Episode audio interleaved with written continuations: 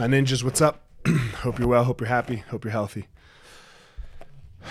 Man, I know it's opened back up for a lot of us, you know, and a, a lot of a lot of jiu-jitsu people listen to this podcast. You know, maybe some school owners, um, business owners, entrepreneurs, things like that. Um, man, I know it's a lot of work, right? It's a lot of work right now. Uh, everything.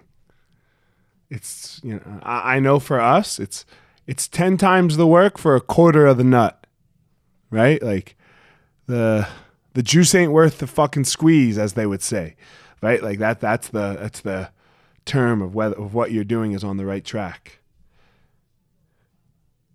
Take a deep breath and then realize that it is. You know? Realize that the juice is worth the squeeze because hopefully you're doing the only squeeze you want to do. Right? Hopefully you're doing the only work that it is that you want to do, the, the passion of your life. So therefore the juice is always worth the, scree- the squeeze. It's never not worth the fucking squeeze. The only way it's not worth the squeeze is if you're not doing what you love.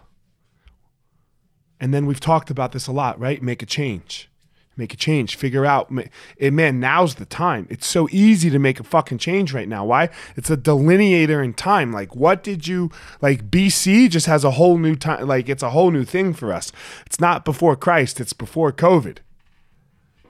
You know? It's before covid. What what were you doing with your life before covid and after covid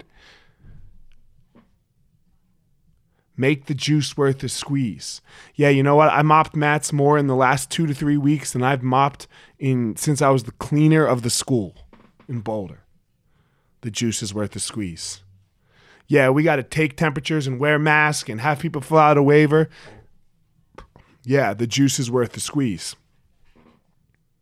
Yeah, I know. I got to drive to every school, get on the mat, get with people, see how they're doing, help out, whatever it is, things I never had to do before. Guess what? The juice is worth the motherfucking squeeze. Why?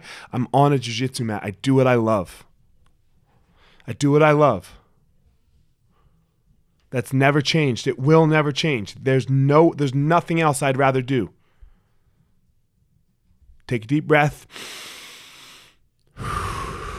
Let that shit out and find your fucking power.